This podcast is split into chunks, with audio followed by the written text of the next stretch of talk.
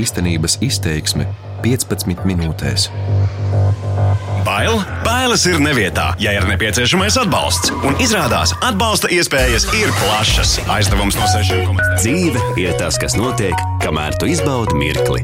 Pārējais ir plāni, kurus īstenot palīdzēsim mēs. Gāja garām bankas filiālē, ieraudzīju burvīgus, atsaucīgus darbiniekus.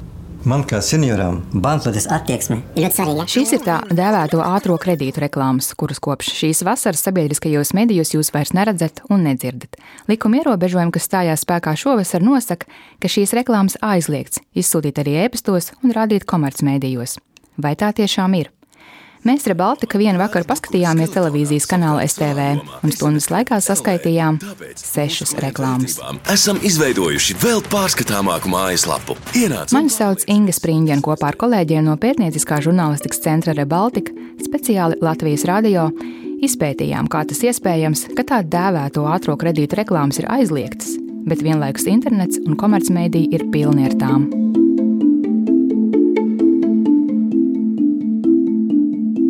Ar mani kopā ir kolēģi Lienu Baris Sērmuli, ar kuru ātrā kredītu tēmu pētām jau gadiem. Sāksim ar to, kādēļ ātrie kredīti ir problēma. Liena, kādēļ tu pēti šo tēmu? Jā, lielākā problēma šajā biznesā ir tā, ka aizdod naudu cilvēkiem, kas to nespēja atdot, un cilvēkiem, kuriem naudas nav, vai arī ir ļoti maz ienākumi. Līdz ar to viņi kredītus pagarina un maksā liels procentu maksājums. Tieši no šiem pagarinājumiem ātrā kredītu biznesa arī pelna. Bet, lai pierunātu cilvēkus aizņemties, ātrā kredīta biznesa izmanto vilinošus augļus. Piemēram, saka, aizņemies pirmo reizi bez maksas, un nākamajā reizē maksā vien 10 eiro par pagarinājumu. 10 eiro it kā izklausās maz, bet patiesībā, saskaitot summu kopā gada laikā, procenti ir kosmiski, un cilvēks šādā veidā aizņems un nonāk parādu slazdā. Lien, vai tev izdevās dabūt no patērētāja tiesība aizsardzības centra pēdējos datus, kas rāda, cik cilvēku nespēja atmaksāt šobrīd? Pēc jaunākie dati par šī gada pirmo pusi liecina, ka kopumā situācija uzlabojas, tomēr distances kredītu atmaksu kavē katrs piektais. Gandrīz puse no viņiem kavē trīs mēnešus un ilgāk. Tas nozīmē, ka šiem cilvēkiem ir grūtības ar parādu atdošanu.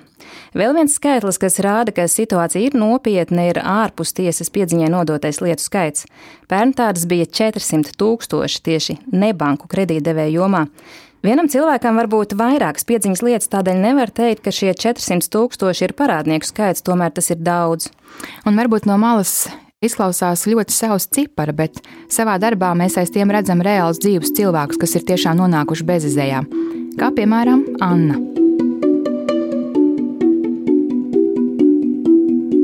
Anna ir tuvu pie 50. 2012. gads bija melnā strīpa viņas dzīvē. Nomira tētis, viņa izšķīrās no drauga un arī zaudēja labi apmaksātu darbu. Tu vienkārši nonāci tādā brīdī, kad tu saproti, ka tu esi bez naudas un vienkārši ir izmisums. Ja, un, un nav nekādas iespējas nekur aizņemties, kaut kādu risinājumu atrast finansiāli, jo nav darbs un rēķini krājās, ir jāmaksā par, par dzīvokli un tev sāk draudēt, ka tev var izlikt no dzīvokļa. Lai izdzīvotu, Anna darīja to pašu, ko daudzi sāk aizņemties no ātriem kredītiem, jo bankas pēc krīzes gadiem mazos patēriņa kredītus vairs nedēļ.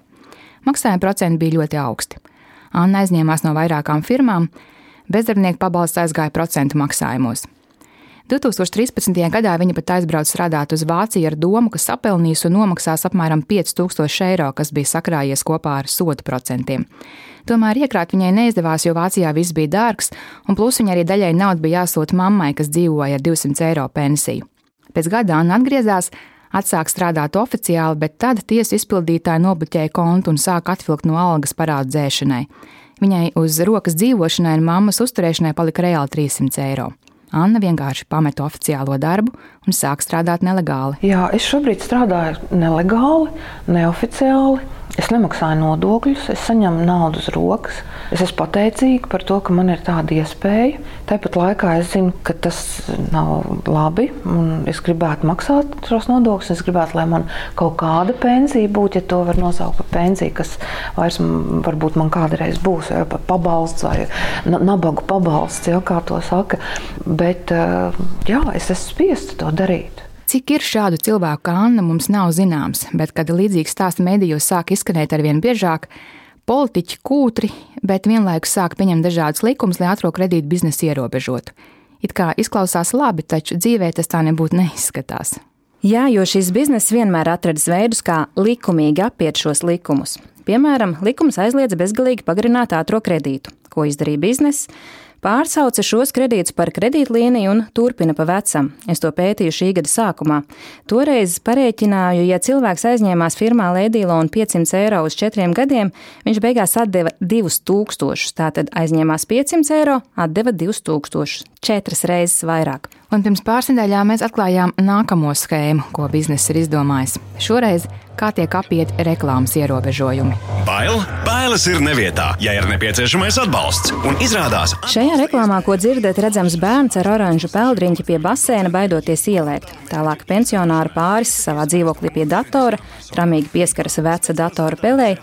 Jau nākamajos kadros gan bērns, gan seniori bailes pārvarējuši, dzīve ir skaista un reklāmas beigās atskan frāze: Piesakies aizdevumam juridiskām personām. Lai atturētu cilvēkus no pārlieku lielas aizņemšanās ar šo vasaru reklāmām, medijos vairs nevajadzēja būt to apiet, nosaucot šīs reklāmas par aizdevumiem saimnieciskām vajadzībām, ko likums neaizliedz, un neviens nekontrolē, vai tu aizņemies naudu savām biznesam vai jaunām kurpēm.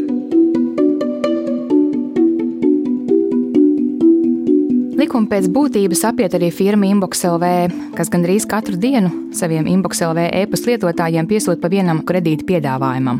Likums paredzēja, ka šādus e-pastus var sūtīt tikai ar e-pasta īpašnieku atļauju. Ko izdarīja Inbox? Viņi atsūta e-pastu ar nosaukumu: Mums te ir piedāvājums, vai vēlies to apskatīt? Un, ja cilvēks e-pastu atver, sanāk, ka viņš ir izteicis šo piekrišanu. Tu tikies ar inbox īpašnieku. Ko viņš par to saka? Jā, Andris Grīķis uzskata, ka viss ir kārtībā jo cilvēki var arī nospiest opciju atteikties. Bet tur arī ir kārtējais triks. Ja cilvēks nospiež šo pogu, parādās konkrētā aizdevēja tā dēvētā zīmola reklāma, kas aizved uz aizdevēja mājaslapu. To likums atļauj. Rezultātā ātrā kredīta firmas ir dabūjušas savu, potenciālais klients ir ieraudzījis viņu piedāvājumu.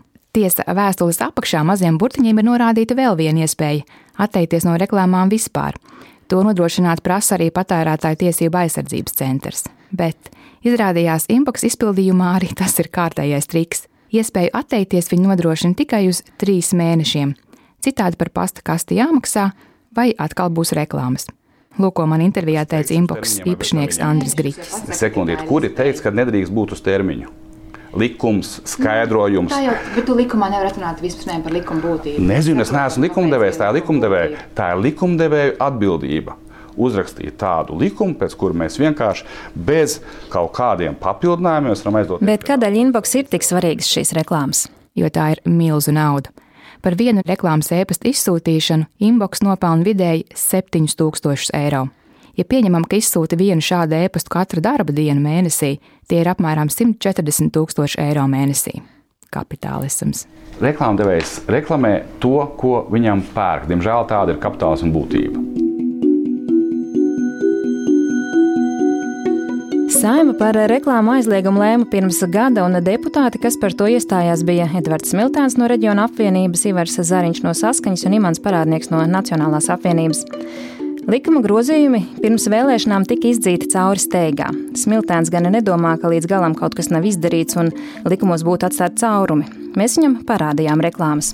Viņi pēc būtības vizuāli reklamē patēriņa kredītu, Nu, tur gribu dabūt eh, vajadzībām, tur problēma, reku nauda un risinājums. Tie, tie pārītis, var redzēt, tā ir māja, tā ir kaut kāda sadzīviska epizode. Ja, tas, ir, nu, tāds, tas nav bizness. Ja.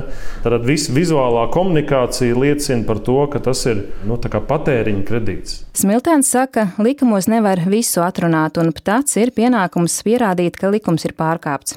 Deputāts vadītāja Baiba Vitoļiņa saka to pašu, ko likuma pieņemšanas laikā. Tas ir brāķis, un viņa brīdināja, ka tā būs. Jūs parādītās reklāmas ļoti labi parāda to, ko mēs arī teicām likuma. Pirms tas vēl stājās spēkā, bet bija iespēja to precizēt. Tieši tās lietas, kuras mēs veicām uzmanību, ka tam ierobežojumam nav jēga tādā veidā, kā tas ir uzrakstīts, tieši ar, tas arī ir noticis. Liena, tu tikies ar Baibu Vitoļiņu un parādīji šīs reklāmas. Vai viņi kaut ko darīs? Izskatās, ka nē, centrs ieņem pasīvu vērotāju lomu, bet tas varētu rīkoties agresīvāk, brīdinot uzņēmējus, vērtējot ne tikai formālās atrunas reklāmā, ka tas domāts juridiskām personām, bet skatīties, vai tiešām arī pēc būtības juridiskām vai tomēr privātiem mērķiem. Bet tā kā tur principā likuma grozījumiem nepiekrīt, izskatās, ka vienkārši nogaida, kad to mainīs. Šāda ptats pozīcija ir izdevīga arī aizdevējiem, jo tie saka, kā teiks ptats, tā būs. Turpinājumā fragments no sarunas par reklāmām ar nozares pārstāvi Latvijas Alternatīvo finanšu pakalpojumu asociācijas vadītāju Gintu Āboltiņu. Bet, man liekas, ir lielā mērā. Piemēram, ja runājam par šādām reklāmām, jums pašam viņas liekas korektas, viņas iekļaujas tajā regulējumā, kāds ir šobrīd. Nu, es neesmu baigājis speciāls. Protams, mēs varam skatīties, kad varbūt ir uzrunāts mērķa autorija, ka tās ir privātpersonas, nu, reklāma varbūt ir juridiskām personām. Nu, Tas, man liekas, ir jāvērtē uzraugam un attiecīgi. Tad, nu, ja tas ir neatbilstoši, tad viennozīmīgi jāpieņem lēmums, ka šāda reklāma ir aizliegta. Liena, bet kā tu domā, kādēļ ir tik grūti pieņemt nepārprotamus un nepārkāpjamus nebanka aizdevēja ierobežojumus? Jo tas ir miljoniem vērts bizness, no kura pelnīja gan Rīgas vicemērs Andris Amerikas, bijušās Pareks bankas īpašnieku ģimenes locekļi, miljonārs un kukuļdošana apsūdzētais Mārs Martinsons. Šī biznesa lobbyis uz politiķiem vienmēr bijis liels, plus pēdējos gados tam pievienojušies arī mediji, kam reklāmas ieņēmumi no ātriem kredītiem ir būtiski.